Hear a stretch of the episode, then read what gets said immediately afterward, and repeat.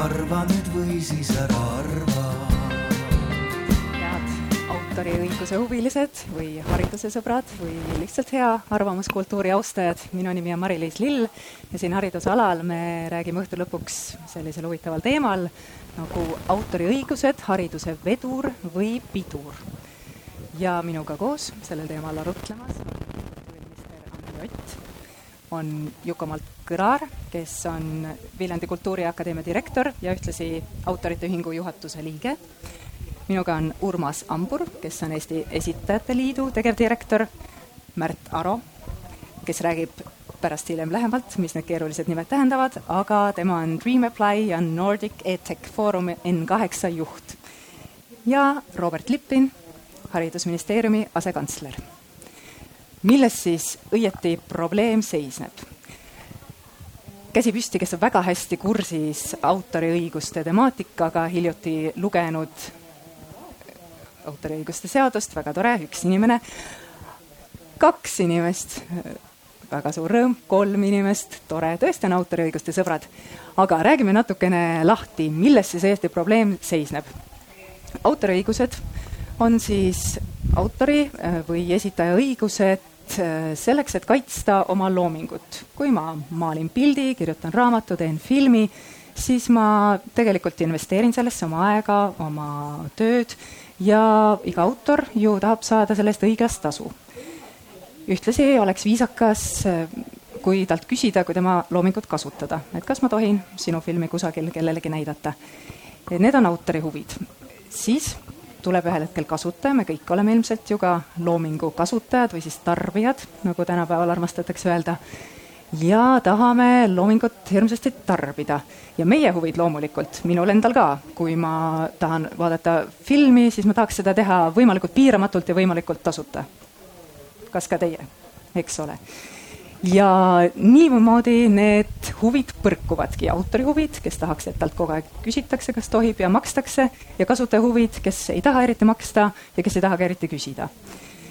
ja autoriõiguste seaduses on sätestatud hulk reegleid, kuidas seda täpselt teha tohib ja tõepoolest on üks äh, selline erand, mida just haridusvaldkonnas, kuna me siin haridusalal oleme, kasutatakse, ehk siis äh, nii-öelda vaba kasutuse õigus. see tähendab seda, et äh, haridussüsteemis tõepoolest on öeldud, et võib kasutada autorite esitajate loomingut ilma neilt küsimata ja ilma nendele tasu maksmata. ehk siis, kui õpetaja tahab lastega koolis vaadata filmi, äh, siis ta võib seda teha, näidata pilte, laulda laule. küll aga on siiski seal teatavad reeglid mille alusel seda võib teha. ehk siis, kui me räägime filmi vaatamisest, siis see peaks olema reeglipäraselt omandatud, ostetud mitte, et lihtsalt Youtube'ist õpetaja paneb äh, filmi mängima. on ka teisi reegleid, näiteks see peab olema kindlasti motiveeritud mahus. ei ole sätestatud täpselt see protsent äh, Eesti seadustes, kui motiveeritud mahus, mis tähendab lihtsalt seda, et tegelikult ei tohiks filmi lõpuni vaadata tuleks äh, vaadata natukene, et illustreerida mingit konkreetset õppe-eesmärki.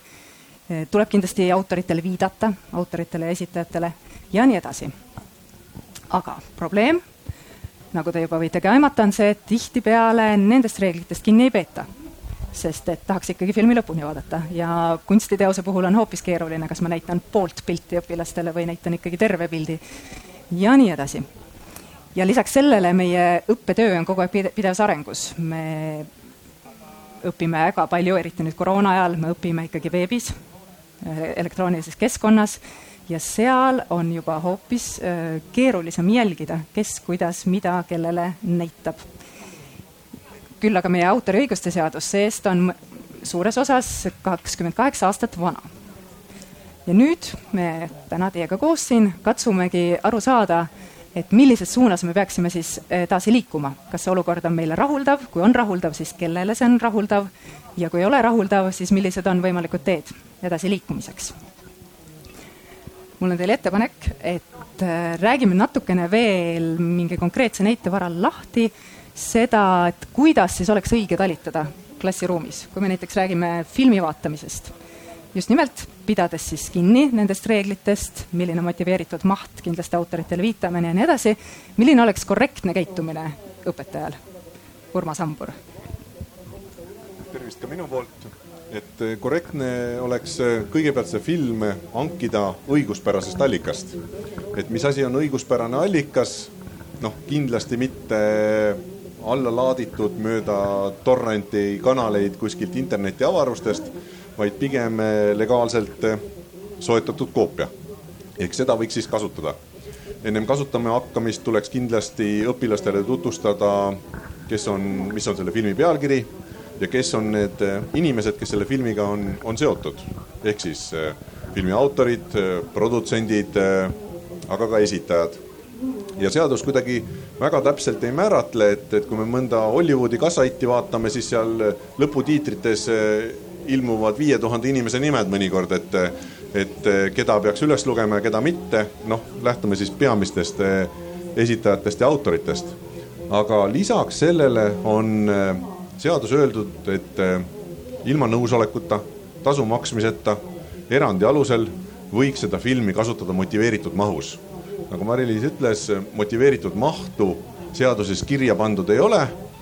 aga kindlasti ei ole seadusandja mõelnud, et see motiveeritud maht filmi puhul peaks olema täispikkuses teos. foto, maali puhul ütleks küll, et võib-olla ei pea pooleks lõikama, aga filmi puhul peaks jääma motiveeritud mahtu ja mis on ka oluline, et see film ei ole nagu meelelahutuseks, et kui mõni õpetaja jäi koolis äh, tulemata, et paneme filmi peale, et nelikümmend viis minutit on lastele ära sisustatud, vaid see peaks äh, nagu illustreerima mingit õpitavat sisu, et kui see on mingi loodusteemaline film, võib ta loodusõpetust illustreerida. kui ta on mingi ühiskonnateemaline dokfilm, siis midagi muud. aga jah, et ütleme, kooli esmane ülesanne ei peaks olema meelelahutuse pakkumine või et õpilastele võimaldada kõik uued Eesti filmid koolis ära vaadata, nii et keegi kinno ei peaks minema. aitäh. aitäh. ma küsin korra teilt ja küsin korra ka teilt, head kuulajad, kes õppis lasteaias, algkoolis, võib-olla ka hiljem näiteks sellise laulu selgeks nagu Rongisõit? võite tõsta käed püsti, kes oskab rongisõitu? nii. Kes ei oska rongisõitu, küsime nii. kõik oskavad rongisõitu teise salmiga mul endal ka vahel läheb nagu nii ja naa. aga kui ma küsin sedapidi, et kes teist mäletab, kas teile räägiti enne, kui te hakkasite rongisõitu õppima, et sõnade autor on Ellen Niit ja Gustav Ernesaks on viisi teinud? käsi püsti, kes mäletab, et nõnda sellest kõneldi? siiski mõned käed on püsti väga tore. On siiski pedagooge, kes tublisti peavad kinni kõiki, kõikidest seaduse reglementidest aga tõepoolest, tegelikult ju mm, ma küsin korra siis nõndapidi, kas siin on ka inimesi, kes töötavad koolis? Mm? -hmm aga kuidas teile tundub, olles nüüd kuulanud näiteks filmi näitel seda, et mis siis võiks olla selle vabakasutuse eelduseks, et ma tutvustan kõiki asjaosalisi, et ma ei näita filmi lõpuni, näitan ainult selles tunnis, kui me räägime teisest maailmasõjast, ainult siis näitan tuhat üheksasada nelikümmend neli Nüganeni filmi ja mitte mingil muul juhul. ja ühtlasi tõesti näitan sellest katkendit kas teile tundub, et nendest reeglitest on võimalik kinni pidada just nimelt sellises igapäevases õppeprotsessis? On ikka? või tundub natukene palju?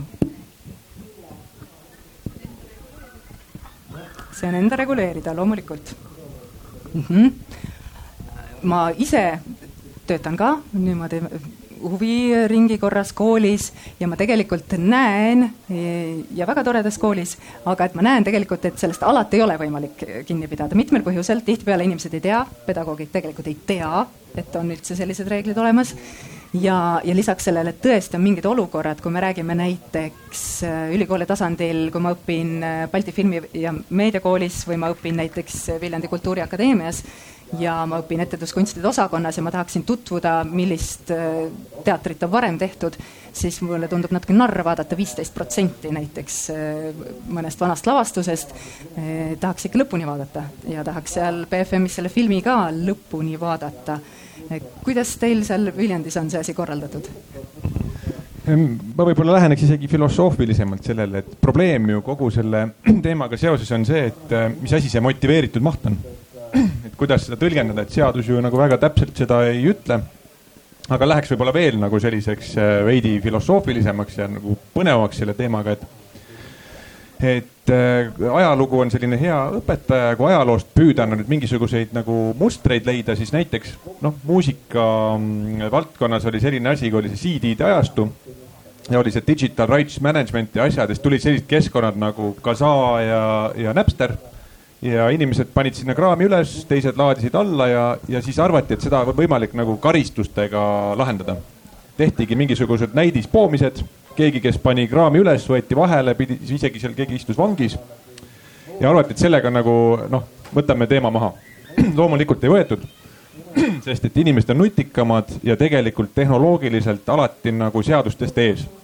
ja kus täna probleem on äh, seoses eriti siis digimaailmaga, mis on tekitanud olukorra, kus meil põhimõtteliselt on äh, praktiliselt võimatu nagu saada aru, mida tehakse, kus tehakse, kes teeb, äh, mis mahus ja, ja see on nagu, see on džinn on pudelist väljas, enam tagasi ei saa ja rääkimata siis sellest, et kõigil ka nendel digitaalsetel väljunditel on sellised analoog nagu augud et tänased noored, ma tean väga hästi, mul kasvab ka kaks teismelist kodus, kes elavadki Youtube'is ja Tiktokis ja kus iganes.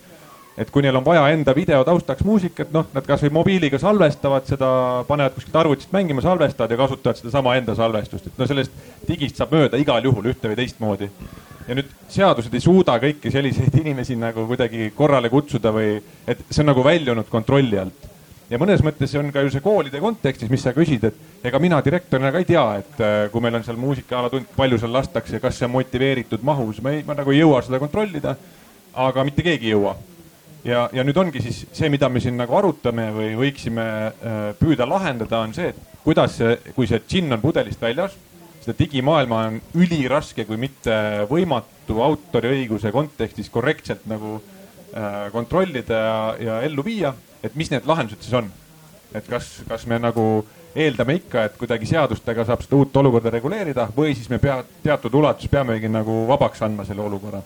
Nii et siin on palju huvitavaid momente, aga eks kui sa küsid meie kooli kohta, ega mul pole aimugi, kuidas nad lahendavad, et äh, ma eeldan, et enamus äh, õppejõud ei tea eriti midagi sellest ja lasta, noh, ja üheksakümne üheksal protsendil juhul ei tule mingit jama ka, et äh, muusikaajalootunnis, no mina õppisin ühe aasta Muusikaakadeemias, kõik muusikatestid meil lasti ikka täismahus, kuulasime CD-sid ja võisime raamatukogust paljundada neid nii, kuidas vähe polnud, et noh.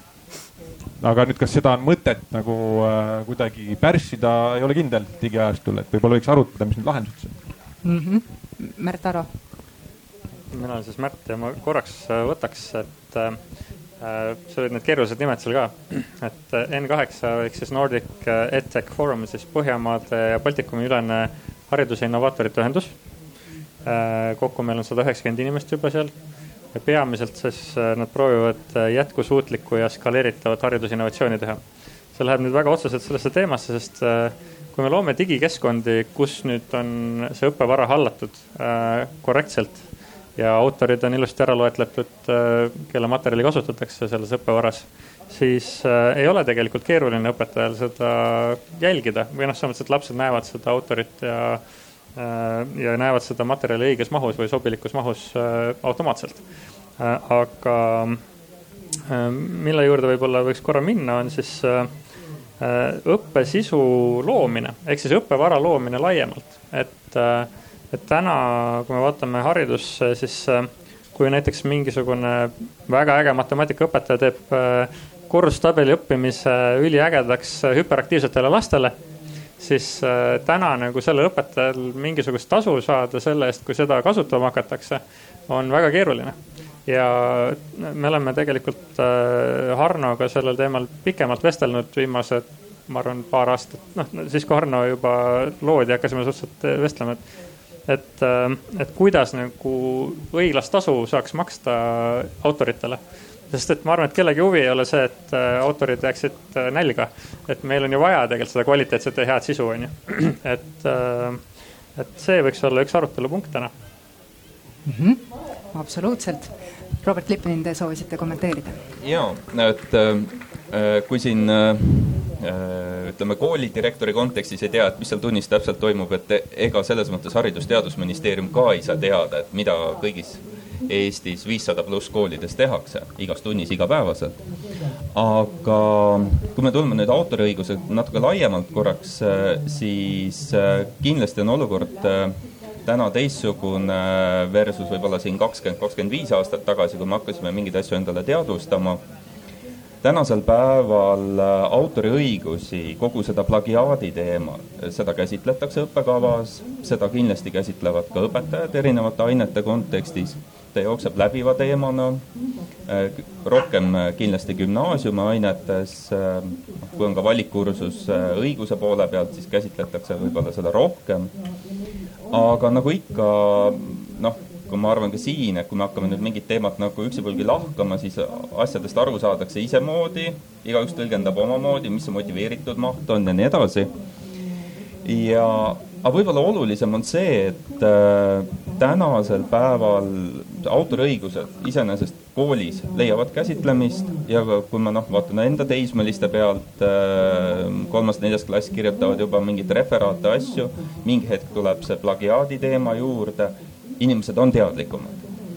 aga nüüd tõesti see teema, mis siin kõlas, et äh, kui on õpetaja, kes äh, teeb mingisuguse õppevara, mille eest oleks ka, võiks tasu saada.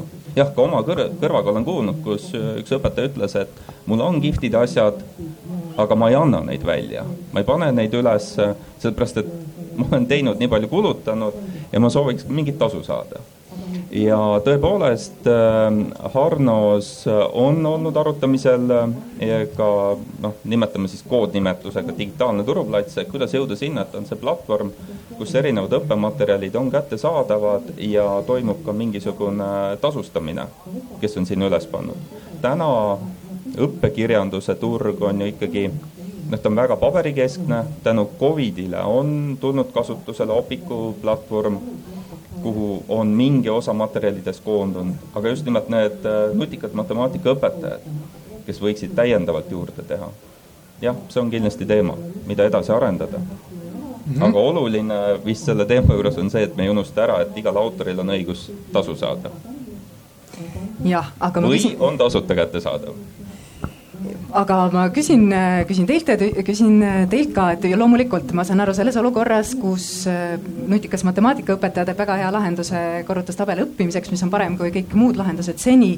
loomulikult ma loon midagi täiesti uut, panustan sinna aega ja nii edasi.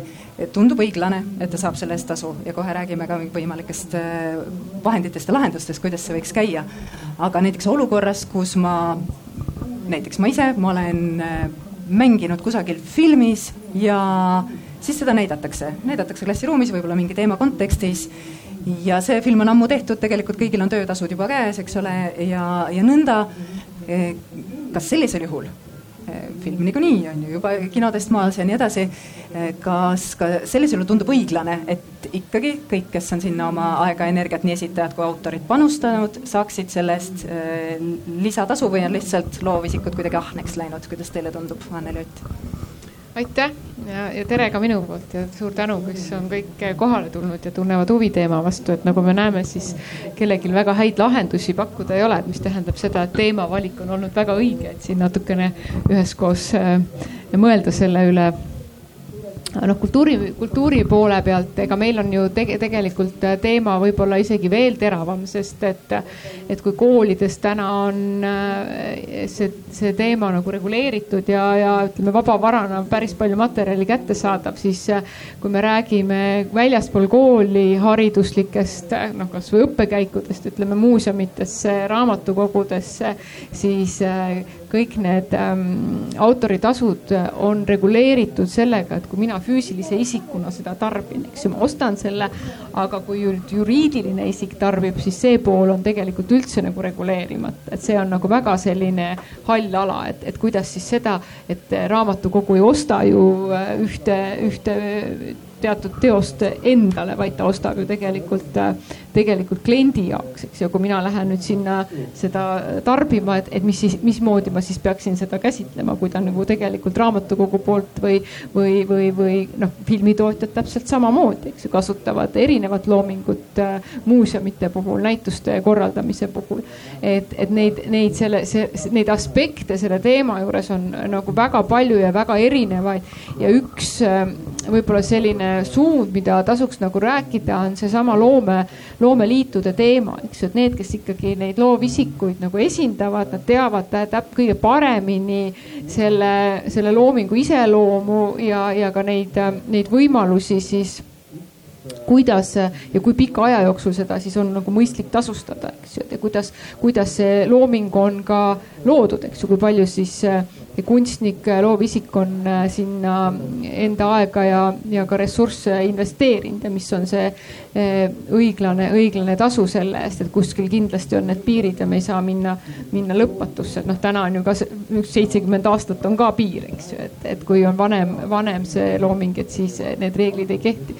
nii et ma arvan, et üks teema, mida võib-olla võiks natukene sisulisemalt mõelda, on seesama loomeliitude kaasamine ja, ja teine, mis äh, lihtsalt siin repliigi korras ütlen ütlen, on ju seesama digipööre või digivaldkonna teema, mis äh, käib, noh, ma arvan, et siin peaaegu igast telgist läbi, eks, et, et, et kui, kui me juba läbi nende arenduste äh, kõikidele nendele teostele, mida me siis saame läbi digi tarbida, paneme juurde ka selle tarbimise tingimuse juba selle loomingu nii-öelda valmis saamise hetkel eks, et, et siis see teadlikkus ka ühiskonnas tõuseb, sest noh, täna me näeme, et, et see teadlikkus on äh, noh, pigem võib-olla selline keskpärane või, või, või isegi nagu alla selle. aga, aga samm-sammult nagu edasi minna ja, ja, ja siin tuleb leida kompromiss, et need on nagu mitme osapoole väga erinevad huvid, mida saab leida ainult äh, sellise ähm, heatahtliku ja üksteist mõistva debati äh, tulemusena. Palun. siin mitu huvitavat teemat avanes ei tahaks kõigist rääkida, püüan hästi lühidalt. et äh, meil tuleb ju sügisel äh, uus autoriõigusseadus, ma lugesin seda seletuskirja ka päris läbi, jõudnud sinna sada viiskümmend kolm äh, lehekülge.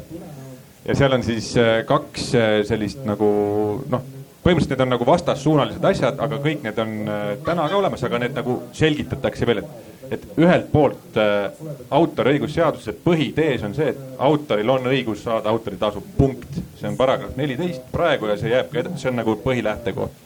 ja siis seal teisel pool on hulk nagu erandeid ja siis vaadataksegi seda, et, et noh, mis, mis tingimustel siis või kes, ja küsimus sellest, kes peaks selle tasu maksma. et ka see tasuta kasutus, noh, tegelikult see ei ole tasuta, no keegi maksab selle välja, et kas see siis on riik kas turu mingisugune osapool või niimoodi ja noh, see debatt ongi siin, et kuhu siin teljel siis võiks või kes võiks olla see, kes maksab autorile selle autoritasu, mille ta peaks saama. et kõik see tühja kassi tasu, see on ju samamoodi, et tegelikult autoril on õigus saada autoritasu ja sellest lähtub nagu ka digiajastul see seadus. aga kindlasti üks lahendus või üks suund äh, on äh, tehnoloogiline äh,. uurisin ise ka hiljuti teemat, ma ei tea, kas publikust keegi üldse on kuulnud Äh, aga selline teema nagu NFT-d, see on siis non-fungible token. kui keegi teab plokiahelast midagi, see on kindlasti tuleviku teema ja arvatakse, et see siis äh, üha enam nagu võtab ka see, võtab ka nagu autoritelt seda pinget maha, noh võrdluseks, mis see tähendab, mis see NFT tähendab siis? see on põhimõtteliselt digiajastul võimalus tõestada öö, äh, omandit. et kui varem oli näiteks Leonardo da Vinci maal Äh, see müüdi kuskile oksjoni käigus, siis noh, originaalmaal on kellegi käes ja siis võis sealt koopiaid teha ja keegi ostis originaali edasi. nüüd see NFT võimaldab digiajastul tõestada, et mingisugune digitoode on nagu äh, varaliselt sinu käes. noh, sinna võib panna ükskõik millist digitoodet äh,, filmi, muusikat, kirjandust äh, äh,. Jack Dorsey, kes on Twitteri asutaja, müüs hiljuti oma Twitteri esimese tweet'i kahe koma ühe, kahe koma üheksa miljoni dollariga ta müüs siis, keegi, kes ostis selle nüüd digitaalses maailmas, kõik saavad teada, et ahah, sina omad Twitteri esimest Twitteri, eh, esimest tweet'i. ja, ja kõik teised on koopiad, et see esimene tweet'i justkui originaal on sinu käes. et kõlab nagu naljakalt see teema, aga kui eelmise aasta, kaks tuhat kakskümmend kogu käive nendel NFT-del oli kakssada viiskümmend miljonit, siis täna esime-, kaks tuhat kakskümmend üks esimese kolme kuuga on kaks pool miljardit nii et äh, põhimõtteliselt äh, see võib minna siin lähiaastatel saja tuhande, võib-olla miljonikordseks. ja meil on näiteid. Äh, meil on üks kunstniku näide oli hiljuti, Peoples on siis kunstniku nimega, kes müüs hiljuti kuuekümne üheksa miljoni eest oma siis teose viis tuhat esimest päeva, see on mingi kunstnik, kes on teinud ühe digiteose neliteist aastat järjest iga päev ja siis ta pani viis tuhat esimese päeva sellist äh, teost kokku, müüs selle paketina, see osteti kuuekümne üheksa miljoni eest läbi selle NFT. nii et keegi nagu omab äh, sellist digitaalset äh, tõendit, tema, tema vara hulka kuulub siis selle People'i nagu esimese viie tuhande päeva looming tehno-, ühesõnaga tehnoloogilised lahendused on kindlasti üks võimalus, kuidas seda tulevikus nagu lahendada ka klassiruumides ja ka see matemaatikaõpetaja, kui ta seob selle plokiahela tehnoloogiaga, siis tal on alati võimalik näha, et kes sealt nagu kasutab seda. see ei ole mingi võluvits, ei lahenda kõike ära, aga üks tee. ja teine, mida võiks siis mõelda, on see, et kuna see on nii säbruline ja keeruline et võib-olla siis ongi niimoodi, et selleks, et kooli piires ja kõik need õpilased ja teismelised saaksid kasutada oma loomingut teha, vabalt möllata, et võib-olla siis kool võiks mingisuguse terviklitsentsi osta või, või, või koolide konsortsium.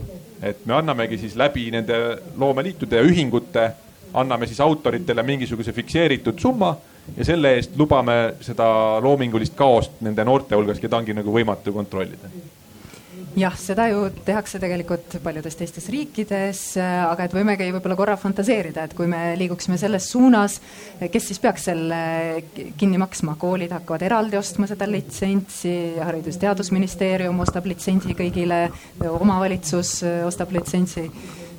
Õiguste omajate poolt tõenäoliselt äh, ollakse valmis müüma nii-öelda kellele iganes, kes on valmis ostma, ütleme, et mis see Põhjamaade mudel on, on selline, et tavaliselt kohalikud omavalitsused, kes siis nii-öelda on ka koolipidajad, hangivad siis vastavalt sellele, palju nende omavalitsuses on koole, palju on õpilasi ja selle alusel siis mingi litsentsi, et siis see piiritletud sisu, mis siis kokku on lepitud, on siis koolides ja õppetöös kasutatav, hoiab aega kokku nii õpetajal, nii õpilastel, sellepärast et kui on litsentsi alusel kasutamine, siis kõik need vabakasutuse erandite reeglid ja tingimused ja kohustused, et neid võib kõike nii-öelda hoopis kaugemalt vaadata, sellepärast et sul on ostetud luba selle materjali kasutamiseks, kasutad nii, nagu loas on kirjas.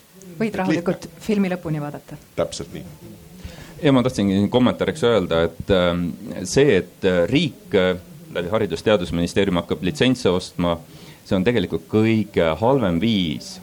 sellepärast, et äh, me ostame, me kulutame riigi raha, me ei tea tegelikult, kas seda tarbitakse tegelikult meil on näide ju sellest opikust olemas, et enne Covidit oli tarbimine kakskümmend, kolmkümmend protsenti, kui tuli Covid, siis oli lihtsalt sundolukord, hakati tarbima kaheksakümmend protsenti, üheksakümmend protsenti. aga tegelikult me maksime ikkagi mingi osa tühja. ehk see, mis siin juba kõlas, nii-öelda kõige lähemal tarbijale kool vastavalt sellele, mida ta soovib, äh, mida õpetajad soovivad kasutada, ostetaksegi need litsentsid. ja kool saab raha pidaja käest, kelleks on kohalik omavalitsus enamasti. et võib öelda et, et circa üheksakümmend protsenti koolidest on ju tegelikult kohaliku omavalitsuse koolid, mitte riigikoolid. nii on ma tahtsin siia lihtsalt tuua ühe näite, et ma olen väga-väga nõus sellega, et, äh, et selline paindlikkus peab jääma nii, nii koolile kui ka õpetajatele, et, et millist, millist äh, loomingut siis ta oma klassile esitab. Ja, ja üks selline viis, võimalik viis on ka see, et ei pea seda tegema klassiruumis, vaid saab minna siis sinna kohale, kus see valik on suurem ja, ja selleks on selline kultuuriministeeriumi poolt praegu välja töötatav programm nagu Kultuuriranits, mis samamoodi annaks, kui, kui meil õnnestub see tõesti ellu kutsuda, annaks siis omavalitsustele selle võimaluse, et õpetaja saab valida siis põhikoolis aasta jooksul kaks-kolm teatrietendust, filmi äh, või, või näitust mille, kuhu siis minnakse klassiga kohale. et sa ei pea seal klassiruumis seda ühte lõiku näitama, vaid tegelikult sa saadki minna äh, kinno koha peale ja saad selle terve filmi ära vaadata rahulikult ja, ja vot see on küll nüüd riigi poolt nii-öelda finantseeritud siis, eks ju, et, et otseselt ei ole küll sellele autorile, aga, aga sa saad koha peale minna, kus on kõik need tasud nagu makstud ja, ja saab selle, selle õppe, õppekäigu teha hoopis koolihoonest väljaspool. ja Märt Aro ma paneks siia juurde ühe huvitava vaate veel, et äh, vahetevahel on äh, selle õige materjali ülesleidmine õpetaja jaoks tehtud äärmiselt keeruliseks. ma kuulsin ühte lugu äh, õnnetu õpetaja poolt, kes oli kolm tundi kulutanud aega, et leida sobilikku filmi, kus näidatakse vihmaussi elu. et saaks bioloogiat õpetada lastele distantsilt. Ähm, et, et kui nagu see, kui see nagu komplekssus sinna juurde panna, siis tõesti niisugune non-tangible või fungible token äh, kõlab nagu päris kasulikult, et, et kui autorid oleks ennast ära sidunud niisuguste keskkondadega, mis suudavad siis tasujal, võimalikult tasujal nagu aru saada, et kes ja kui palju kasutab mingit materjali, siis oleks võimalik tasuda selle eest õiglaselt. kelle, kes iganes seda siis arvet peaks üles võtma. aga Äh, Harnos on olnud arutlusel ka see, et, et tõesti võiks olla läbi õpijalajälgede kogumissüsteemi siis äh, võimalik näha seda, et äh, mis materjali täpselt mingisugune õpilane kasutab ka oma vabal ajal õppides näiteks. ja, ja siis võiks olla sihuke asi nagu mikrohangete süsteem seal peal mis iganes see sõna täpselt tähendab. aga äh, tagada see siis, et see õpetaja näiteks, kes on selle materjali loonud või lapsevanem või laps ise, kes on loonud teistele lastele mingi materjali, saaks äh, õiglase tasu äh, selle töö eest, mis, mis aitab siis saavutada mingisugust õpiväljundit, kui me räägime juriidiliselt korrektses keeles. et, et aga, aga see tähendab jällegi omakorda noh, minnes korra tagasi et selle materjali, õige materjali leidmine on suhteliselt keeruline täna. Et see tähendab sihukest asja, et äh, oleks vaja niisuguseid keskkondi, mis võimaldaks neid materjale siis leida, mis äh, õpetajal täpselt vaja on. et niisugune digiõpikulaadne teema hakkab siit välja vaikselt kuvama aga meil on ju, anna korra sõna kommentaariks. ja ma tahtsin lihtsalt repliigina öelda seda, et, et siin peab nagu jälgima ka seda, et, äh, et kui me ütleme, võtame sellise noh, professionaalse mm, loomingu ja, ja eeldame, et see kõik on kindlasti tasuline. Ja siis on kõrval selline looming, mis on võib-olla uuem, võib-olla ei ole nii ambitsioonikas, aga ta on tasuta.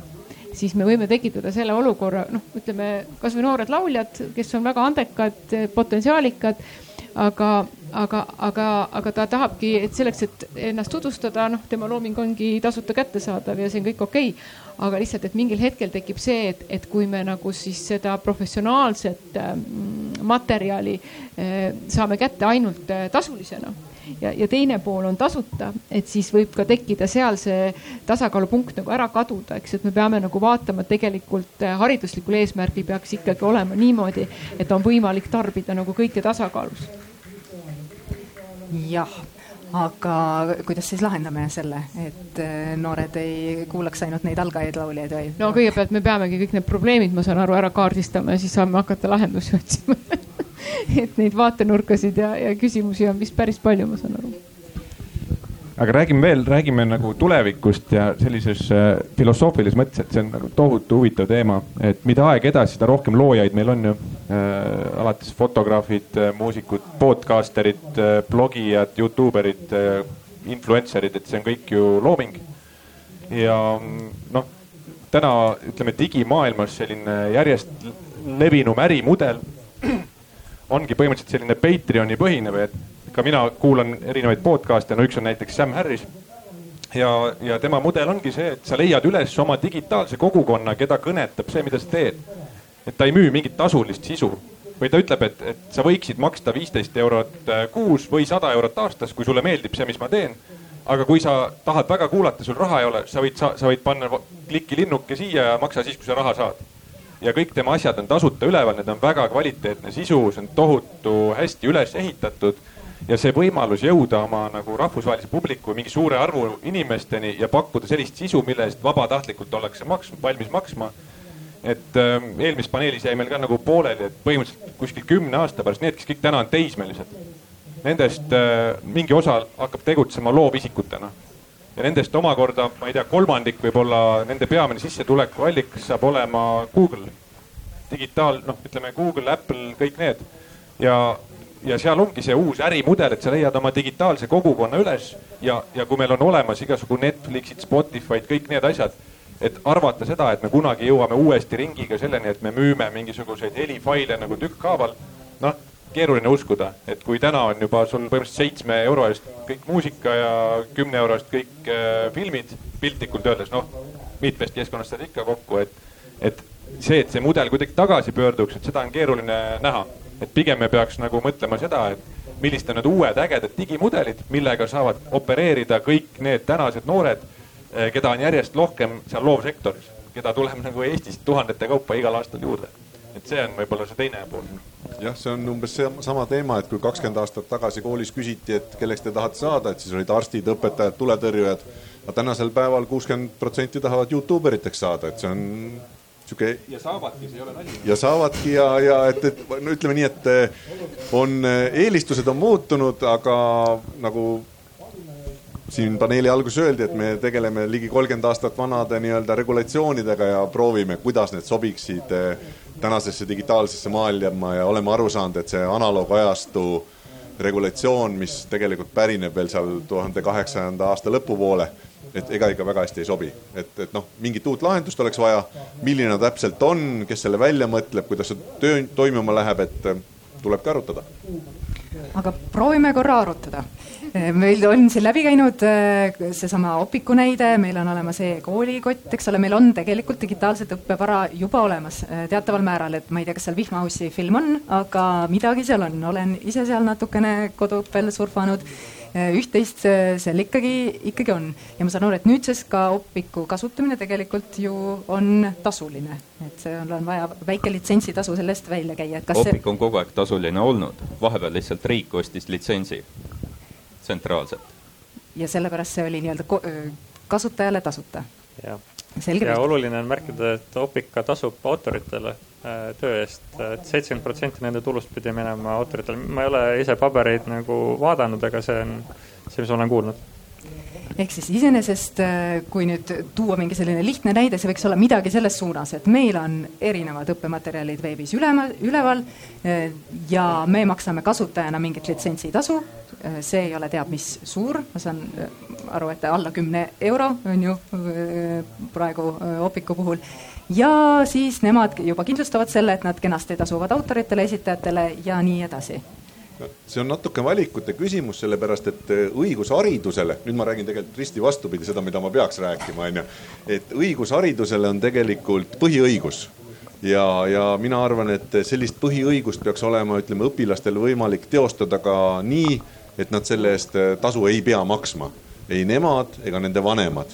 Ehk siis tegelikult neil ka jätkuvalt peab olema koolil olemas see plaan B, kuidas anda seda õpet niipidi et sellega ei kaasne, et see õpe ei ole tasuline õpe, vaid see vähemalt noh, ma ütleme nii-öelda põhikooli lõpuni ta võiks olla vähemalt ikkagi selline, et ma saan aru, et õppekäigud, aga kultuuriministeerium pakkus lahenduse välja, et õppekäigud on äh, kultuuriranitsa pealt ja see, mis see tegelikult teatris käimine ongi. see ongi nagu noh, ühtepidi mina ütlesin, et võib osta litsentsi, et vaadata see etendus äh, äh, koolis ära.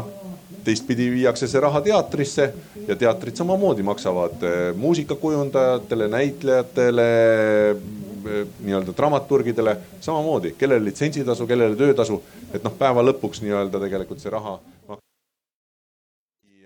võib-olla, et leidagi, et, et kui ühel päeval hakatakse maksma litsentsitasu, on siis kaks eurot või üks sent, et ja sellega saavutatakse mingi arenguhüpe, siis igal juhul tasuks seda teemat arutada et, et teistpidi võib-olla taotakse seda raha uutesse koolimajadesse, millega ka loodetakse saavutada mingi võib-olla parem arenguhüpe on ju.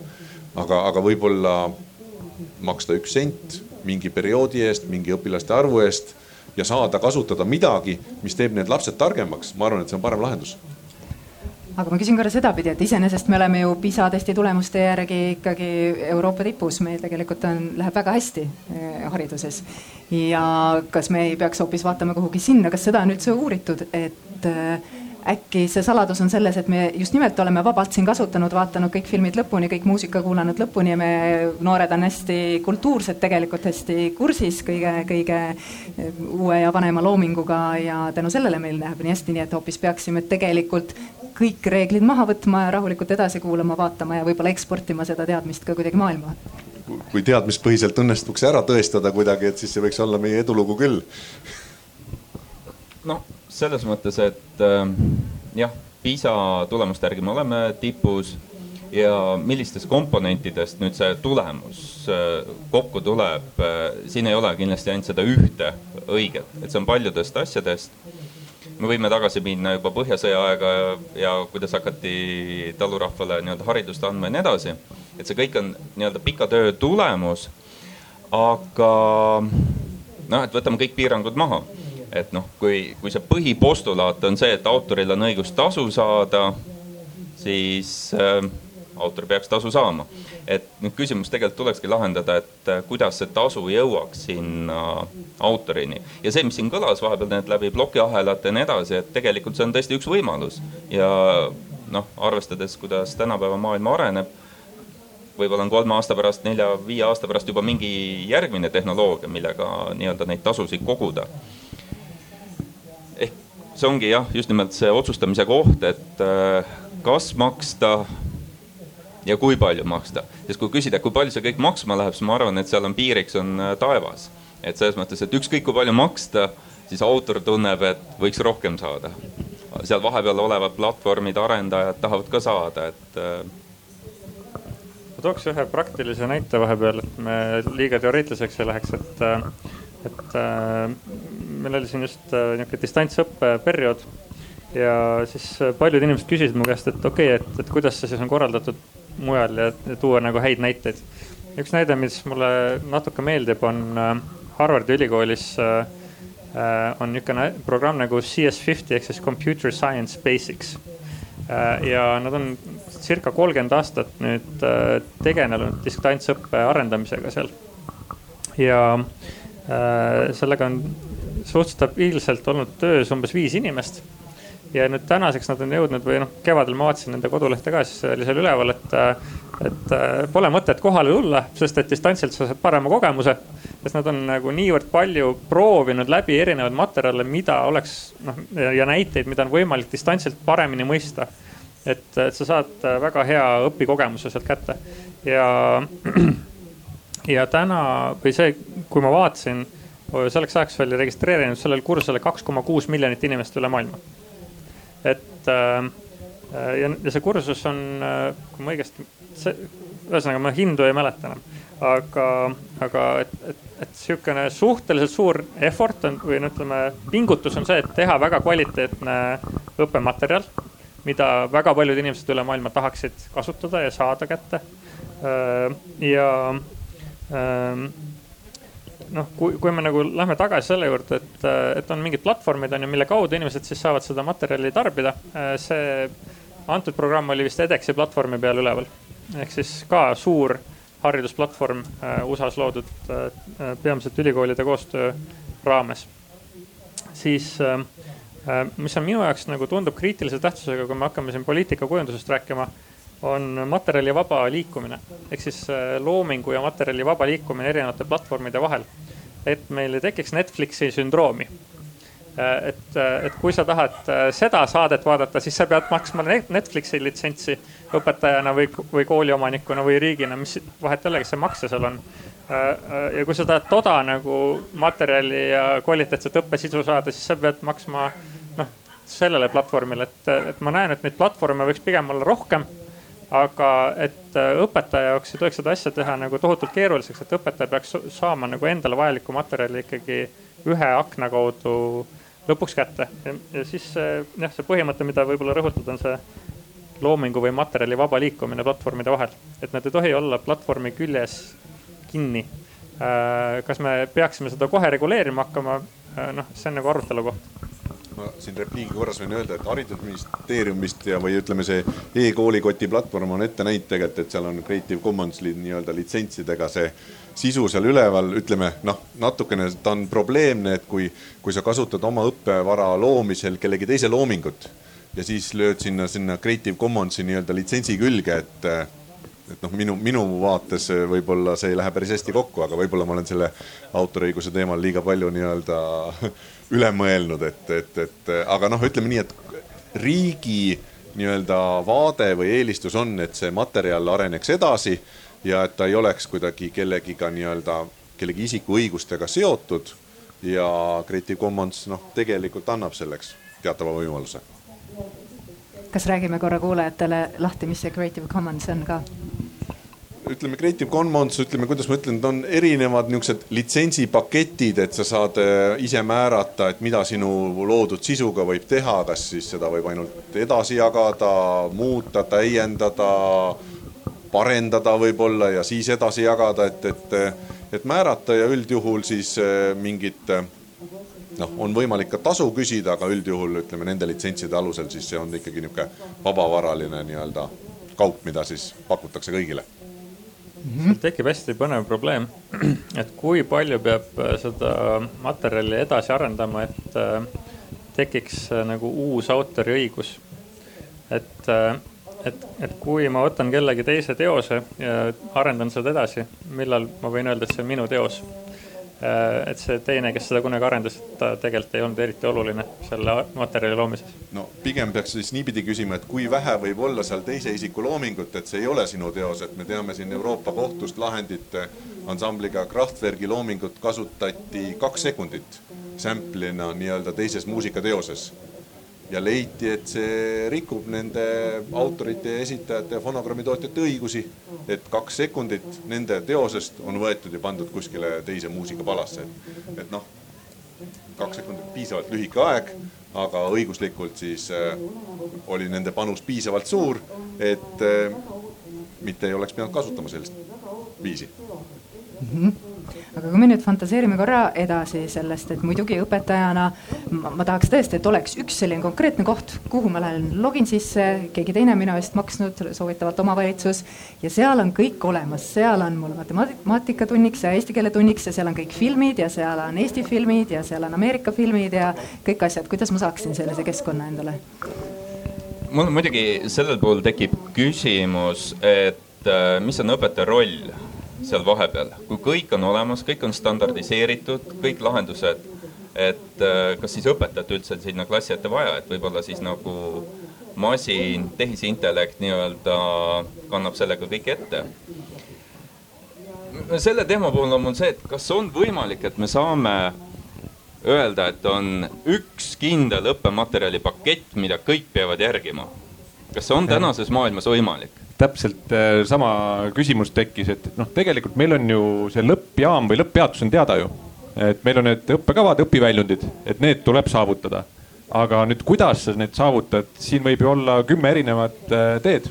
et me elame ju ilmselgelt sajandil, kus ei ole informatsiooni kättesaadavuses probleem võin enda teismelistele lastele anda ükskõik mis teema ja poole tunni pärast nad on Google'ist selgeks teinud selle teema endale, et noh, teadmiste mitte juurdepääsetavus ei noh, valdaval juhul ei ole täna nagu probleemi, järjest vähem on, mida aeg edasi.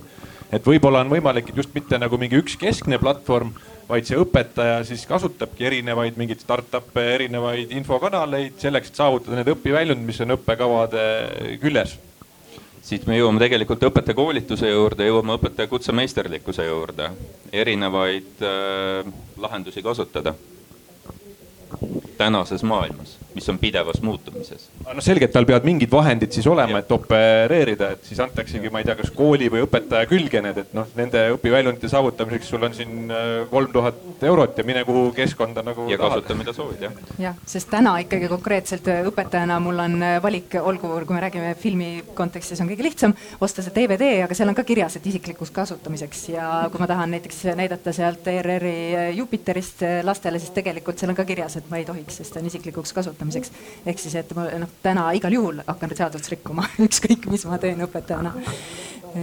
jah. ma arvan, et see, mis sa esile tõid, et, et see õpetaja soov, et tal oleks äh, üks kanal, kus tal oleks asjad äh, ligipääsetavad ja nagu süstematiseeritavad, on hästi loogiline. ja mul on nagu küll tunne, et, äh, et on päris palju LMS-idel, jah, okei okay,, eesti keeles äh,, kuidas on learning management system, õpihaldussüsteem või? eesti keeles kõlab väga veidralt. et, ähm, äh, et ja nüüd äh, selles mõttes, et äh, see kvaliteetsem õpimat-, õppematerjali haldus ja selle organiseerimine on, on iga normaalse professionaalse õpetaja soov, ma usun. et nüüd on nagu see küsimus, et, et kas me peaksime, ma tulen korra tagasi selle juurde, et kas me peaksime kuidagi regulatsiooniga ette nägema seda, et, et Opik ei tohi nagu äh, end, noh, toome hästi, hästi konkreetsed näited, et Opik ei tohi luua äh, ise õppematerjali äh,, mida ei tohiks siis nagu kasutada mingi teise materjali, mingi teise LMS-i sees. või et õpetaja ei saa seda sealt võtta Opikust välja ja panna mingisse teise äh, keskkonda endale, sest muidu, mis juhtub, on see, et me oleme nagu lock-in situatsioonis, et kui me tahame või siis me oleme selles Netflixi sündroomis, et, et meil on lihtsalt vaja nagu seitset erinevat äh, LMS-i kasutada, mis on nagu tohutu peavalu nii lastele, lapsevanematele kui õpetajatele onju aga tänasel päeval tegelikult Opiku keskkonnas on ju väga palju tegelikult äh, äh, täpselt sama seda õppevara, mida on raamatu kujul nii-öelda äh, loodud. Lihtsalt ta on, ütleme, täiendatud nii-öelda, et, et, et väga-väga olulisel määral on ju ja lisatud uusi võimalusi.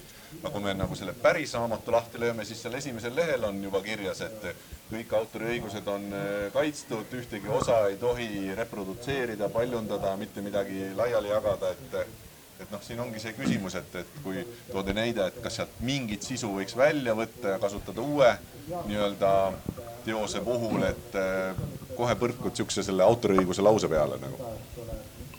ja seal ongi täpselt selleni väik-, praegu liigutud minu vaatest, et me hakkame jõudma sinna, et, et kui nüüd tuleb mingi teine LMS-süsteem Eestisse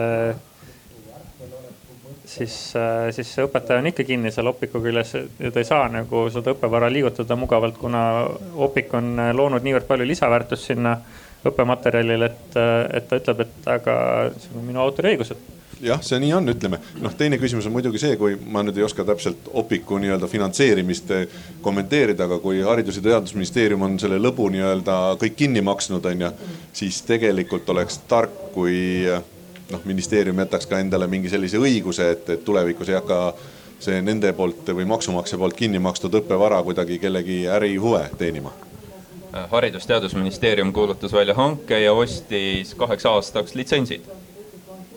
kõik. Anneli Ott. ja aitäh, et ma tahtsin tegelikult enne kommenteerida seda Eesti laste tublit ähm, taset hariduses, aga aga laiemalt võttes siis noh, ma ei oska jah selle opiku tehnilise poole pealt nagu kaasa rääkida, et kuidas seda peaks kujundama ja aga, aga ma arvan, et tegelikult haridus peab olema nagu laiapõhjaliselt kättesaadav igal pool ja kõigile.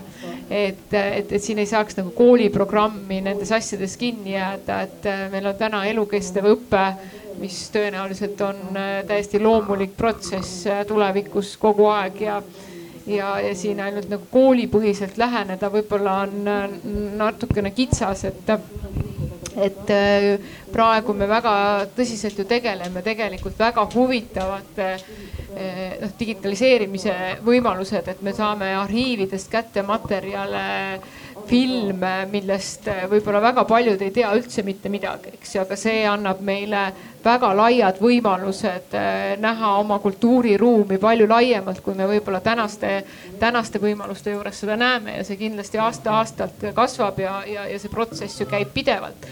ma tahangi seda ütelda, et, et, et, et see looming, mis täna võib-olla ongi nii-öelda juba Äh, vanem kui seitsekümmend aastat ja otseselt sellel autoril ei ole kasu, siis tuleb siin vaadata ka seda, et, et kes on siis see uus kasusaaja, eks ju, see looming sinna digitaalsel kujul meile kättesaadavaks tehakse.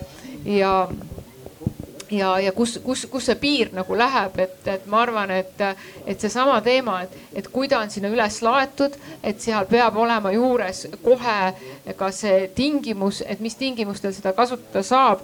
kõik need teised te tehnilised lahendused, et, et, et kuhu siis see raha maksta ja nii edasi, et need peavad olema võimalikult lihtsad.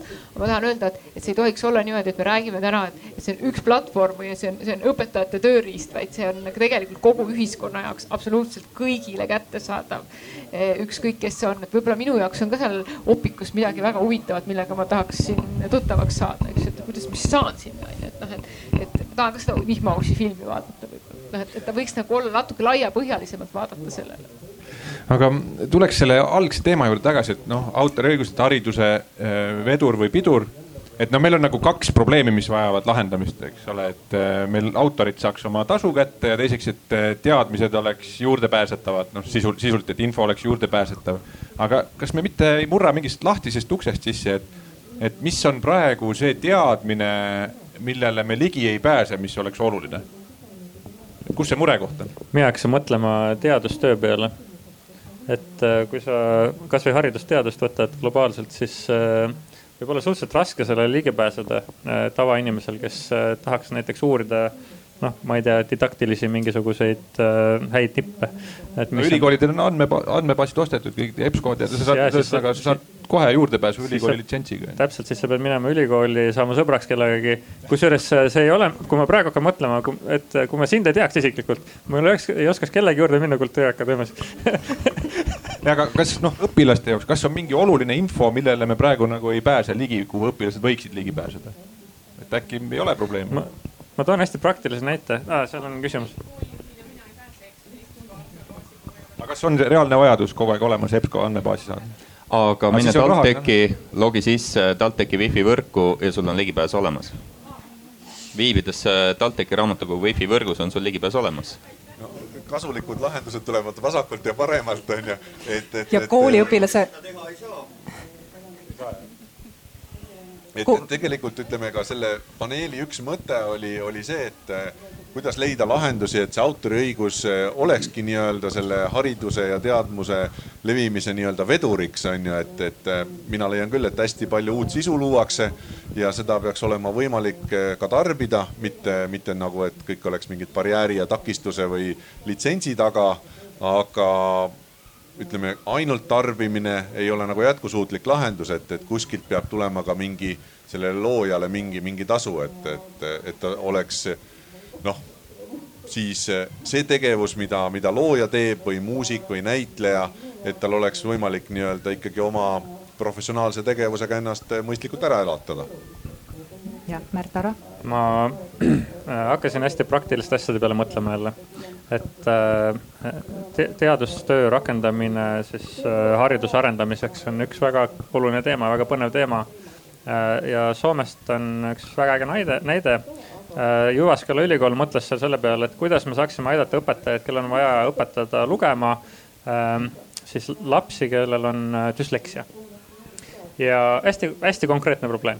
Äh, ja nad vaatasid seda, et, et see on nagu väga keeruline, noh tollel hetkel oli, et olemasolev metoodika, tohutu peavalu õpetajale, üks-ühele õpet lapsega kümneid ja kümneid töötunde ikka ei pruugi mitte mingit kasu olla. ehk siis nagu noh koolijuhid teavad omast käest. Äh, aga äh, siis nad hakkasid noh, tänu sellele, et meil on olemas nüüd neuroteadused, oli võimalik nagu hakata uurima siis äh, seda, kuidas see olemasolev metoodika töötas laste peal. tuli välja, et olemasolev metoodika oli väga halvasti arusaadav düslektiku ajule ja siis leiti üks alternatiivne metoodika, mis ei olnud tegelikult päris uus metoodika, aga seda arendati edasi ja jõuti välja õppemänguni äh, mis äh, on ka nüüd väga, see on tõenäoliselt üks rohkem uuritud äh, õppemäng üldse maailmas. Ja õppemäng on niivõrd heal tasemel, et laps võib iseseisvalt, ma ei tea, mobiiltelefonis seda mängida ja viie, viisteist minutit päevas, kolm päeva nädalas, maksimaalselt kolm kuud ja kõigil on lugemine selge. ilma igasuguse täis, noh nagu kõrvalise abita. et ja Äh, see, see, see asi nagu alguses ta oli seal ülikooli küljes, on ju, äh, kasutati ainult Soomes, Soome riik maksis seda kinni. Äh, kuni üks hetk Soome riik ütles, me ei, enam ei maksa.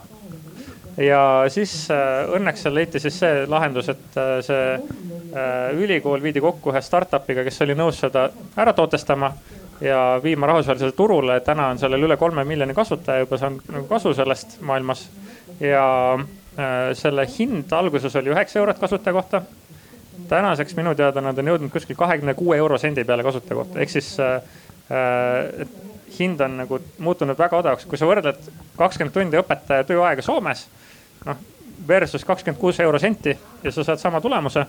et äh, me oleme nagu läbi kaasaegsete tehnoloogiate ja kaasaegsete õppemetoodikate rakendamise saanud noh väga heaks mingisuguse probleemi lahendamise.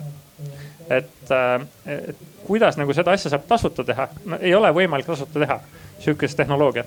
sellepärast, et äh, esiteks see nagu research and development töö, mis noh, teadustöö, mis seal taha on vaja panna selleks, et seda teha nagu tohutult suur ja kulukas on ju. keegi peab selle kinni maksma, muidu ei ole võimalik seda teha. Äh, teiseks tehniline rakendus ja selle arendamine tohutult kulukas. Me räägime miljonitest eurodest on ju tõenäoliselt.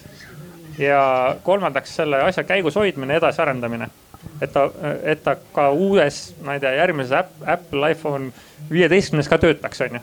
et, et kõike seda on vaja nagu silmas pidada.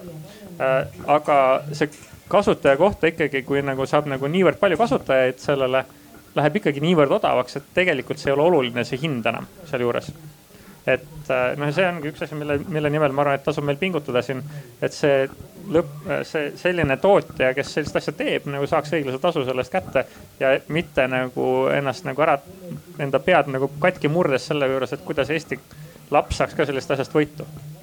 mis selle mängu nimi on? selle nimi on konkreetselt Grafo Game.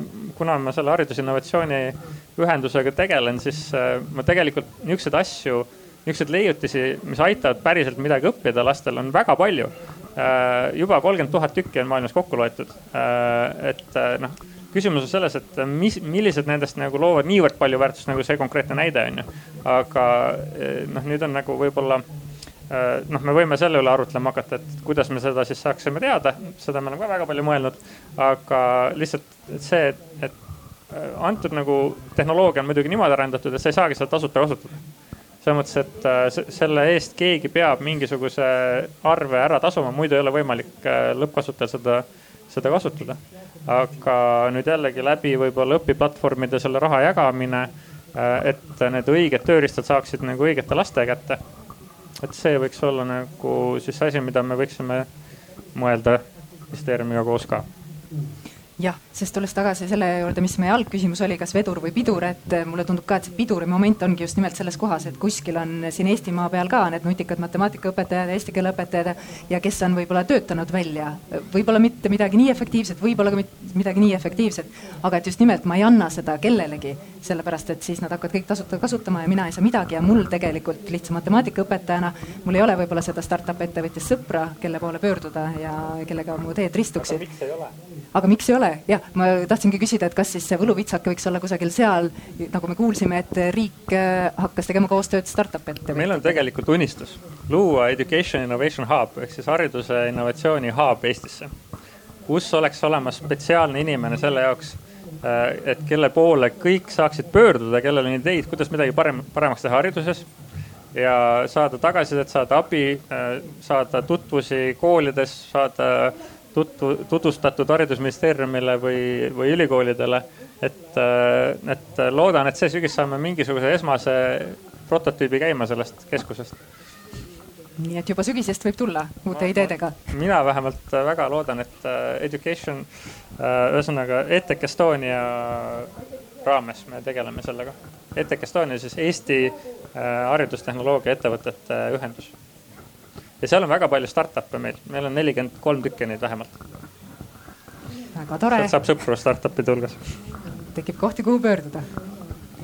ma küsin korra veel, hüpate selle tagasi võib-olla natuke sellise vanamoodsamate küsimuste ja teemade juurde. Et äkki korra filosofeerime, kuna meile filosofeerimine meeldib, et mis siis üldse on haridus või haridussfäär sedapidi, et kui me räägime ka ükskõik sellest käesolevast tasuta kasutamisest, et mis, mis selle alla käib, et tegelikult me oleme ju ka näinud siin erinevaid kohtuvaidlusi, et kus algab haridus ja kus lõpeb meelelahutus. Ehk siis näiteks konkreetsel juhtumil rääkides Eesti Esitajate Liit on käinud kohut näiteks ühe tantsukooliga, kes ei maksnud autoritasusid, eh, kuna, aga kasutas siiski oma treeningutel erinevate artistide esitajate muusikat ja ka esinemistel. ja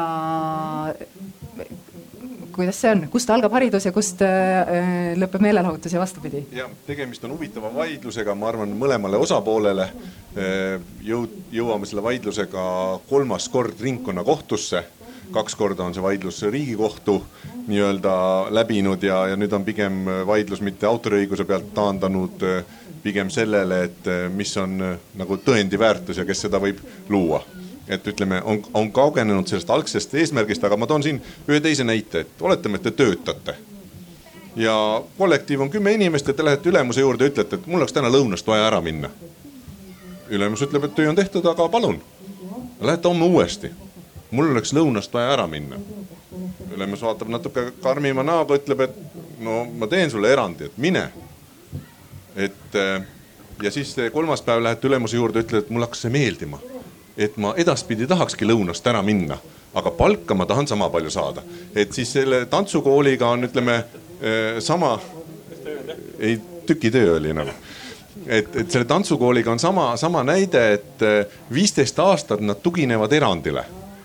et, et nendel on õigus siis seda loomingut tasuta kasutada, järgimata kasutamise tingimusi noh, see on, see on, ütleme meie vaade nagu, mida me siis kohtus oleme üritanud selgitada ja, ja siis äh, tekibki nagu laiem küsimus, et äh, kui viisteist aastat lõunast ära minna, isegi kui on töö tehtud, aga tööpäev on kaheksa tundi ette nähtud, et see tundub kuidagi mõistusevastane, onju.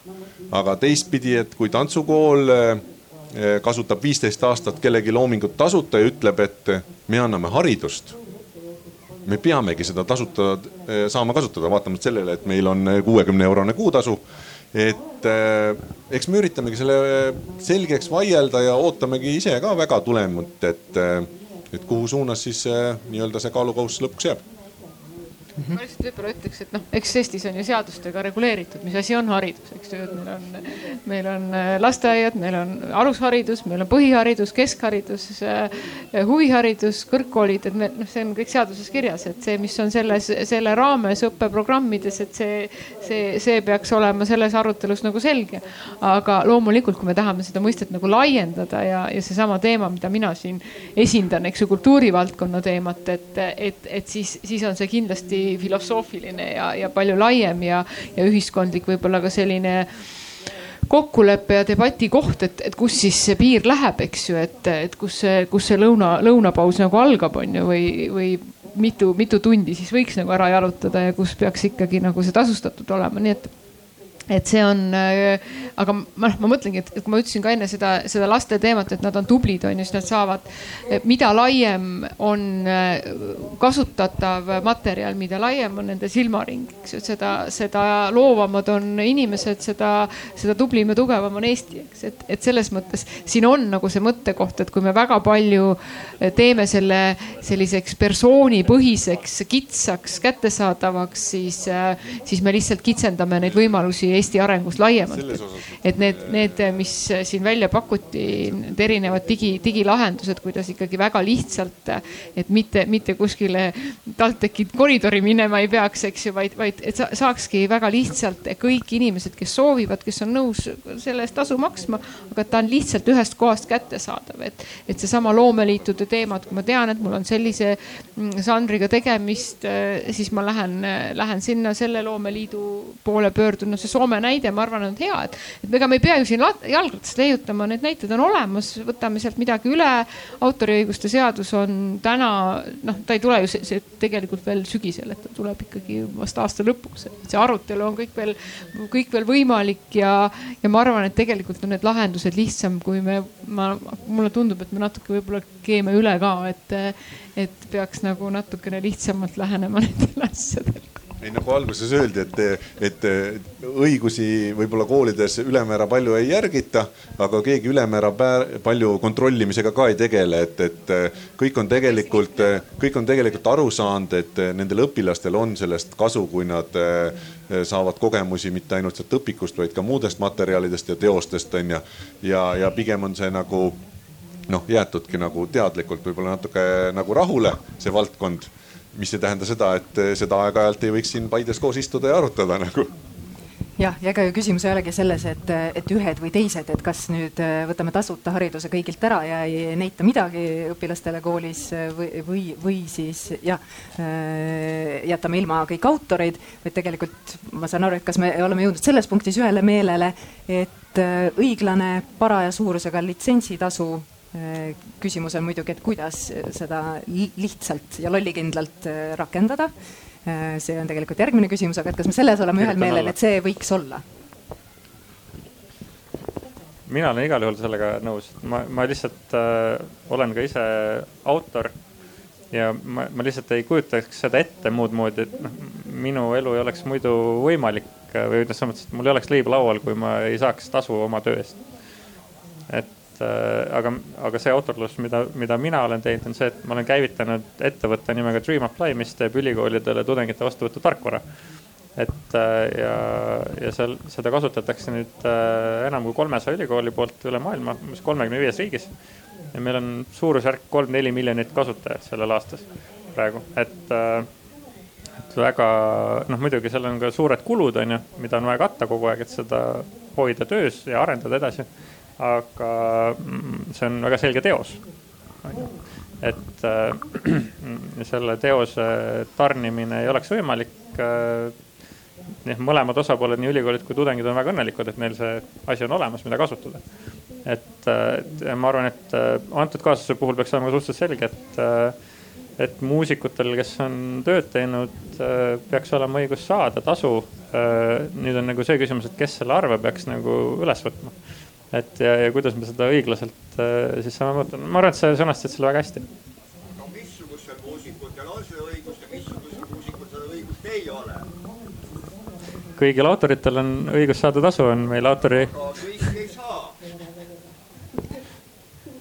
jah, see on omaette teema, et kas see tähendab, et äh, tasu saamise tingimus on kuulumine erialaliitu, äh, kuulumine mingisse ühingusse tegelikult ei ole, ütleme, seadusandja on andnud õigused kõigile, kes on midagi loonud ja, ja igaüks võib ise oma õigusi teostada, kui ta kuuleb, et siin Paide restoranis tema muusikapala mängib parasjagu, võib öelda, et teil on väga maitsev praad, ma võtan selle tasuta.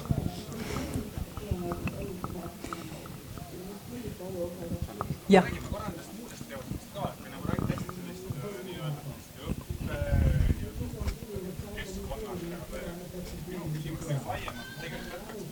tule mikrofoniga ka et tegelikult õppekeskkond kui selline on ka võib-olla kättesaadav kirjandus ja kirjanduse puhul on nagu küsimus äh, äh, hoopis laiem, sest et on õppematerjalid, on äh, kohustuslik kirjandus ja nende puhul on, eriti vanema kirjanduse puhul on ju seitsmekümne aastane autoriõiguste piirang peal ja mitte keegi ei saa neid käita, kui autor ei ole just juhuslikult öelnud, et jah, ma teen selle avalikuks. kui ta seda ei ütle, siis seitsekümmend aastat ja keegi ei saa seda kuskilt avalikult kätte. sa pead minema raamatukokku selle laenutama endale eriti näiteks noh, meister Margarita või mis iganes, sa ei saa seda digitaalselt üles panna kuskile, sellepärast et sul ei ole seda õigust. ja autor on võib-olla ka surnud. et noh, mis, mis sellises olukorras teha nagu? aga kus see, kus sa probleemi näed?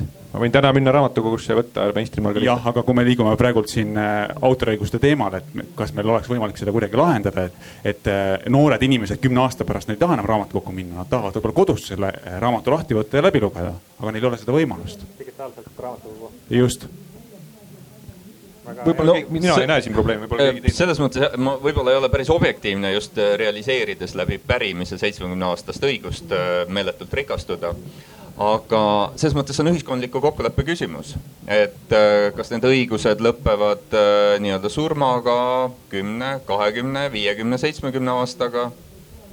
täna on maailmas kokku lepitud, okei okay,, siin on USA, siin on nii-öelda eriti, kes dikteerib autoriõigusi, nende huvi, et seda on pikendatud seitsmekümne aasta peale.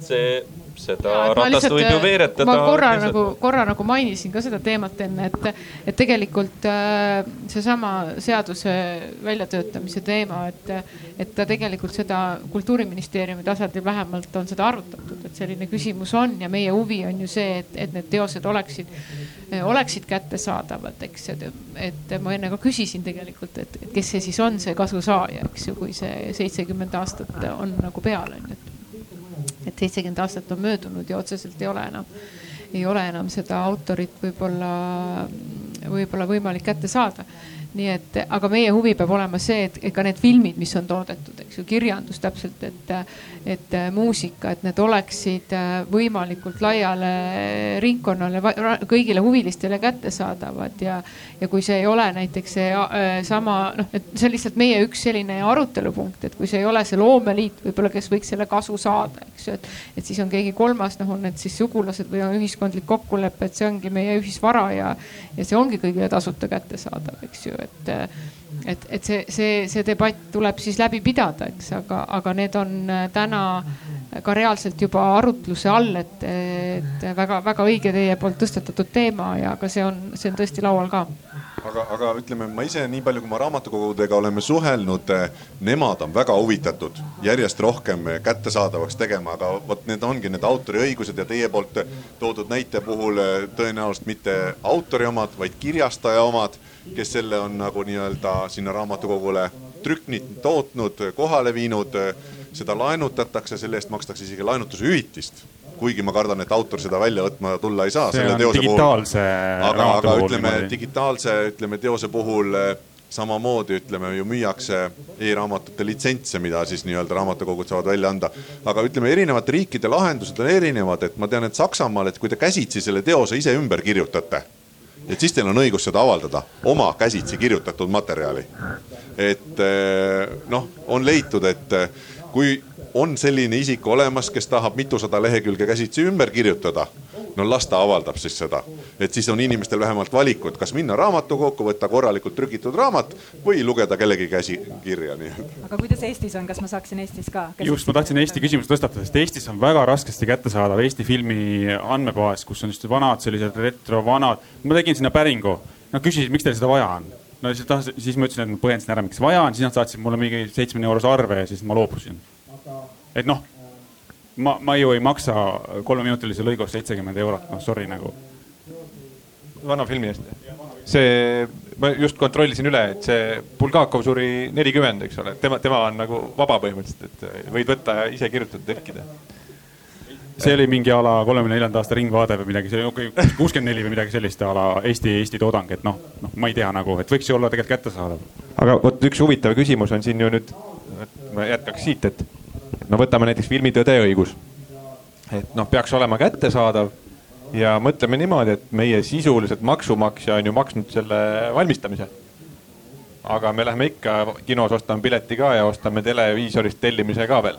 et noh, maksumaksjana maksame nagu kaks korda filmi. ma olen nõus sellest, et ma olen nõus maksma aga kui ma net, net, Netflixis maksan a la viisteist eurot terve sisu eest ja kui ma pean maksma kolme minuti Eesti Ringvaate eest kuuekümne üheksandal aastal seitsekümmend eurot ühe lõigu eest, siis noh, ma ei, ma kahjuks ei maksa seda nagu. et see peab nagu hinna, hinna tasakaal ja siis see kvaliteet peab olema nagu tasakaalus ka või võib-olla on küsimus selles, et Netflixis pidite maksma nende õiguste eest, noh, mida tasu.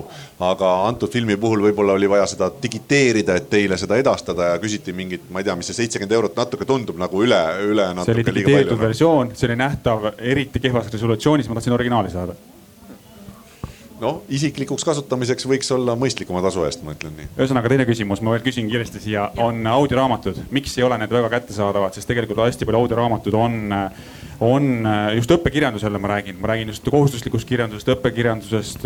mees, kes teadis ussisõnu, audioraamat on olemas, aga õpilased ei saa kuskilt neid kätte, neid ei ole kättesaadavad kuskilt eriti düslektikutel oleks hea meel, saaks. laiem probleem, et ma ei tea, arvatavasti kui ollakse valmis neid tasu eest ostma et võib-olla see tarbijaskond on liiga väike, et kui te küsite, et eh, kas viimast Eurovisiooni mingit Eesti, Eesti võidulugu nii-öelda saaks ka kuskilt osta failina, lihtsalt tahan osta failina, viis eurot maksan, tahan saada. ma ei oska soovitada, kus. ma soovitan Apple Musicust saada jah, aga ütleme audioraamatute puhul ma arvan, et eh, kirjastused panevad paika, et mis on see huvi nagu, et kas on mõistlik seda audioraamatut, esiteks, mis on selle tootmiskulu. kui palju tuleb maksta näitlejatele võib-olla selle sisselugemise eest ja kui palju on neid potentsiaalseid tarbijaid, kes on valmis tõepoolest selle sisu tarbimise eest maksma aga kas sellise kohustusliku kirjanduse puhul, mis ongi võib-olla autoriõigustega kaetud äh,, ei võiks nagu siis äh, ministeerium või keegi siis nagu kohalik omavalitsus siis tõepoolest siis koolidele seda nagu võimaldada? just no., just ma räägin nagu kohustuslikust kirjandusest, et, et noored minu, inimesed ju ei taha. kirjanduse mõte ongi see, et sa mitte ei kuula, vaid loed, et seal on nagu see lisadimensioon. no mõtle ma... kümme aastat edasi, et noored inimesed äh, on üha liikuvamad, et noh. ma saan aru, aga lugemises endas ongi see point, mitte kuulamises ma tahtsin öelda, selle kohustusliku kirjandusega on ka see, et äh, meil on siiski nii-öelda soovituslikud äh,, mida võiks lugeda. aga mitte nii-öelda kohustuslik nimekiri, et kõik peavad Bulgakovit lugema ja punkt, et sa saad seda siiski asendada ka ja tegelikult ma tahtsingi siit lihtsalt repliigi korras öelda, et siit tulebki välja, meeldib see meile või ei meeldi, see on meie võlu ja valu. Äh, audioraamatut tasuta, me ei suuda täna ka kogu nii-öelda õppematerjali ju nii-öelda tururegulatsioonile allutada ja ära toota. kogu HEV õppekirjandus on toodetud nii-öelda tänu Euroopa Liidu maksumaksjale. eks selles mõttes keegi teeb tööd, keegi tahab tasu saada, noh autoraamatute puhul tõesti näitlejad tahavad saada, kõik need äh, ülejäänud töötajad. ei ole turul piisavalt tarbijaid. me oleme liiga väikesed, kuulajaid on liiga vähe kui kuulajaid oleks rohkem, siis võib-olla hakkaks äh, nii-öelda, kuidas see oli, et lõpuks on kakskümmend kuus senti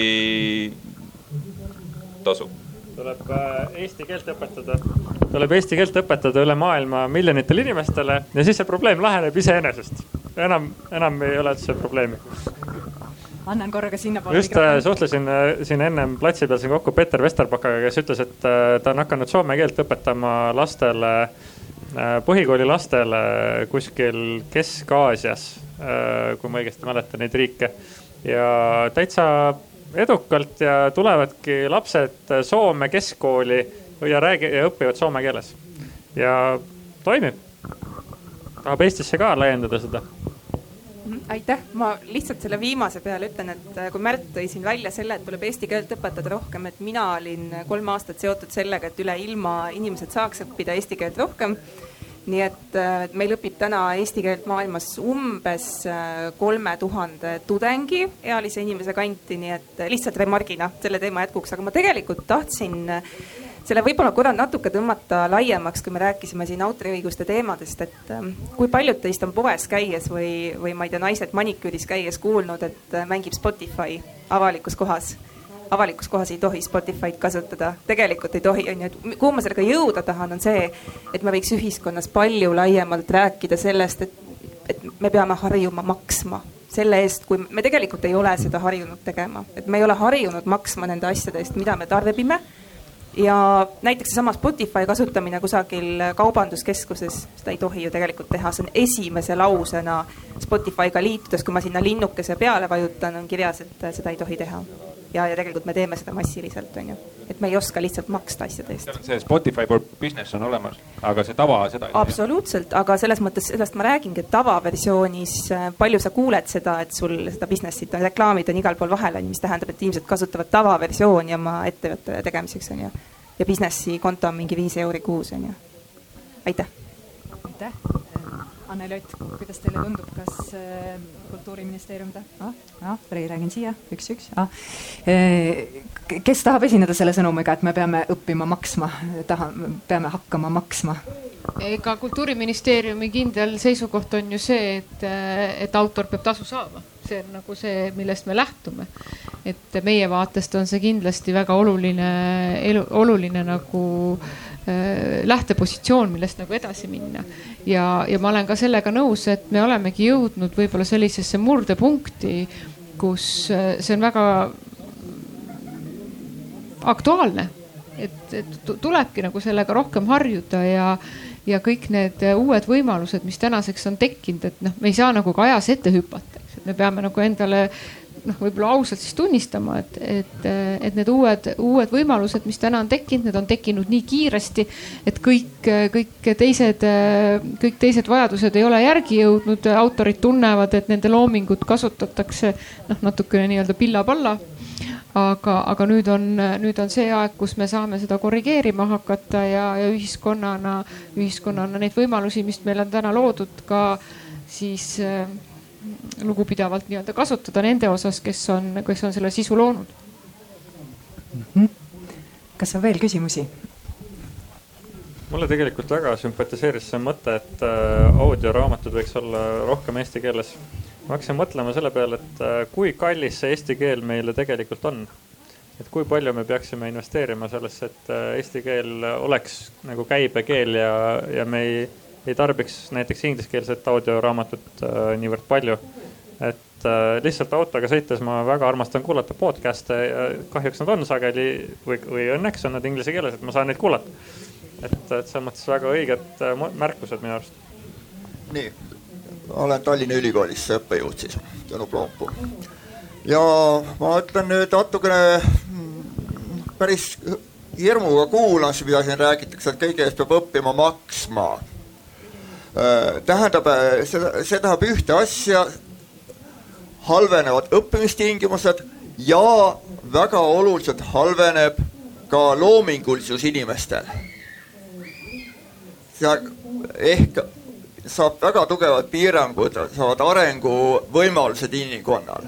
nii-öelda endale jalga laskmine on see kõige maksustamine. suurem, autoriõigused pandi paika üheksateistkümnendal sajandil siis nad veel toimisid autoriõigustena. praeguseks on need saanud omandiõiguseks, kus autorile võib öelda krae vahele lasta.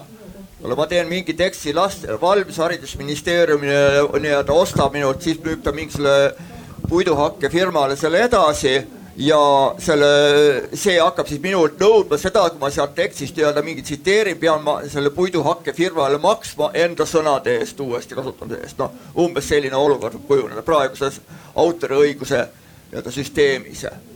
nii et, et praegune kõige maksustamine on, tähendab, see praegune autoriõiguse seadus on kõige maksustamise seadus, mitte autori kaitsmise seaduse. nii et ma olen väga tugevalt toetan vabavaralisi süsteeme. kas ma tohin paar sõna öelda? ma mõtlesin, äkki võtame kiire kommentaari haridusministeeriumilt, et kuidas nende puiduhakkefirmadega on? kas te ostate ülikooli äh, sisu ja, ja müüte neid edasi siis või? kindlasti me ei müü edasi. ma kahtlustan, siin on tegemist äh, mingi kutsehariduse õppevaraga, mis to-, mis on toodetud Euroopa Liidu maksumaksja eest ja mis on kõigile vabalt kättesaadav.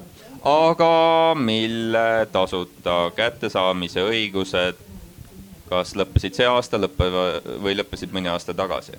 see on nii-öelda kümneaastane periood, jah. kindlasti Haridus-Teadusministeerium ei müü autoriõiguse edasi. jah.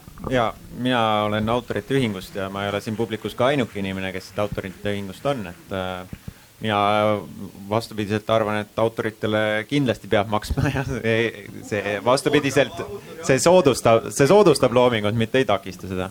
aga, aga mul oli väga hea meel kuulda, et äh, tegelikult paneelis tek, tekkis äh, konsensus selles osas, et äh, selline paneel või noh, niisugune katuslitsents õppematerjalide eest oleks mõistlik lahendus ja mille osas äh, väga nagu konsensust siis ei tekkinud, on see, et kes see osapool oleks, kes tegelikult peaks maksma. aga, aga erinevalt õpiku näitest, siis äh, äh õpiku puhul oli küsimus selles, et äh, kui kolmkümmend protsenti oli kasutajaid, tegelikult äh, oli võimalus kasutada kõigil lastel seda, siis praegune olukord on ju selline, kus äh, kus äh, kasutatakse autoriõigusega kaitstud materjali ilma loata, ehk siis on tolereeritud seadusevastane käitumine. ja, ja me kõik saame siin tegelikult aru sellest, et, et, et äh, koolides me ei jõua kontrollida seda, et kui palju siis seda seadusevastast käitumist on. ja see ei ole enam kasutaja mugavuse küsimus, vaid riigi vaatest on see küsimus, et kas me tolereerime seda, et me oleme seadusega pannud paika et autorid peaksid tasu saama, aga me teame, et nad tegelikult ei saa või, või me, või me ei tolereeri seda kas riigi poolt keegi kommenteerib? no selles mõttes mul läks lõpp natuke segaseks, et äh, kui me räägime sellest Opiku näitest, oli see, et riik äh, maksis kinni sada protsenti litsentsidest, aga tegelik kasutus oli väiksem. et see ei ole nagu riigi raha eriti efektiivne kasutamine, et ja no. kui me räägime. ma, ma pidasin selle all silmas seda, et, et küsimus oli selles, et äh, kes peaks nagu maksma mm. ja, ja siis äh, oli väide, et, et kui maksti kinni sada protsenti, sada protsenti litsentsitasust, aga kasutati kolmekümne, kolmekümne protsendi ulatuses, et siis see ei olnud nagu mõistlik investeering et, et ma lihtsalt tahtsin öelda, et seesama loogika nagu autoriõiguste kontekstis päris nagu ei, ei, ei lähe kokku selle olukorraga no ja kui me tuleme nüüd äh, tänasesse päeva koolide konteksti, siis äh, täna ongi see situatsioon, et äh, koolid saavad osta täpselt seda, mida nad soovivad, et neil on vahendid, et nad ei pea ostma seda, mida nad ei vaja. et kas on, ostad sa Opikust, ostad sa Netflixist või kolmandast-neljandast või ostadki seda Soome Soome nii-öelda äppi, et õpilased õpiksid lugema, et see on see valikuvõimalus jah, kahjuks meie aeg siin paneelis hakkab otsa saama. hea on tõdeda, et me ühes küsimuses jõudsime peaaegu konsensuseni ja eks need arutelud jätkuvad ju äh, sektsioonides edasi. aitäh kõigile, kes kõnelesid, kes kuulasid ja sõna. selge see, et ega kõike teha